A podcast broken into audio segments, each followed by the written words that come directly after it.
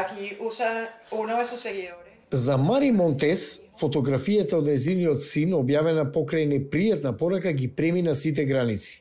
Тоа е акт на онлайн напаѓач. Тоа е кампања за вознемирување со цел да ме дискредитира. Се разбира, тоа влијае врз мене, влијае врз мојот углед, семејството.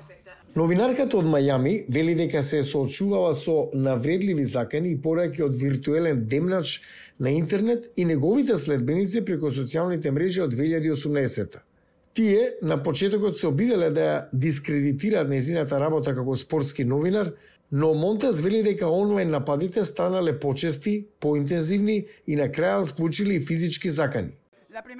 Новинарката вели дека следбениците на Демначот, кој е во Венецуела, ги фотографирале Монтес и незиното семејство во Мајами. Потоа ги споделиле по социјалните мрежи. que las mujeres no pueden hablar de pelota, Негативните коментари беа дека жените не можат да зборуваат за бейсбол, дека јас не знам ништо за овој спорт. Нема што да докажувам за моето познавање на бейсболот, но личните напади врз мојот углед, бракот, моите деца, тоа е друга работа. Монтес ги информирала американските власти за случајот, но бидејќи незиниот виртуелен напасник е надвор од земјата, тие можат малку да направат нешто. Неизиниот случај не е изолиран. Заедничка студија на Меѓународниот центар за новинари и УНЕСКО покажа дека 73% од анкетираните новинарки доживеале насилство на интернет. Набила Шабир е една од истражувачите на студијата. Voices are being chilled. Има замолчување на клучните жени новинарки кои се обидуваат едноставно да ја завршат својата работа.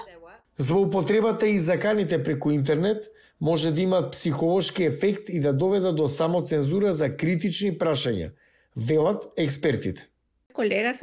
Колешките престанаа да објавуваат на социјалните мрежи, а некои дури и го напуштија новинарството поради овие напади. На крајот на краиштата тоа е нивната цел – да ве заплашат и замолчат. А сторителите на онлайн вознемирување доаѓаат од многу извори. you have governments, you have, you know, sort of authoritarian leaders. Um, Од владите, од некакви авторитарни лидери. Потоа имате голем број лажни профили, тролови кои имаат цел да ги исмеваат луѓето. Експертите велат дека онлайн таргетирањето на новинарите е често, но репортерките се издвојуваат како мета на повеќето родови напади. they're being critiqued.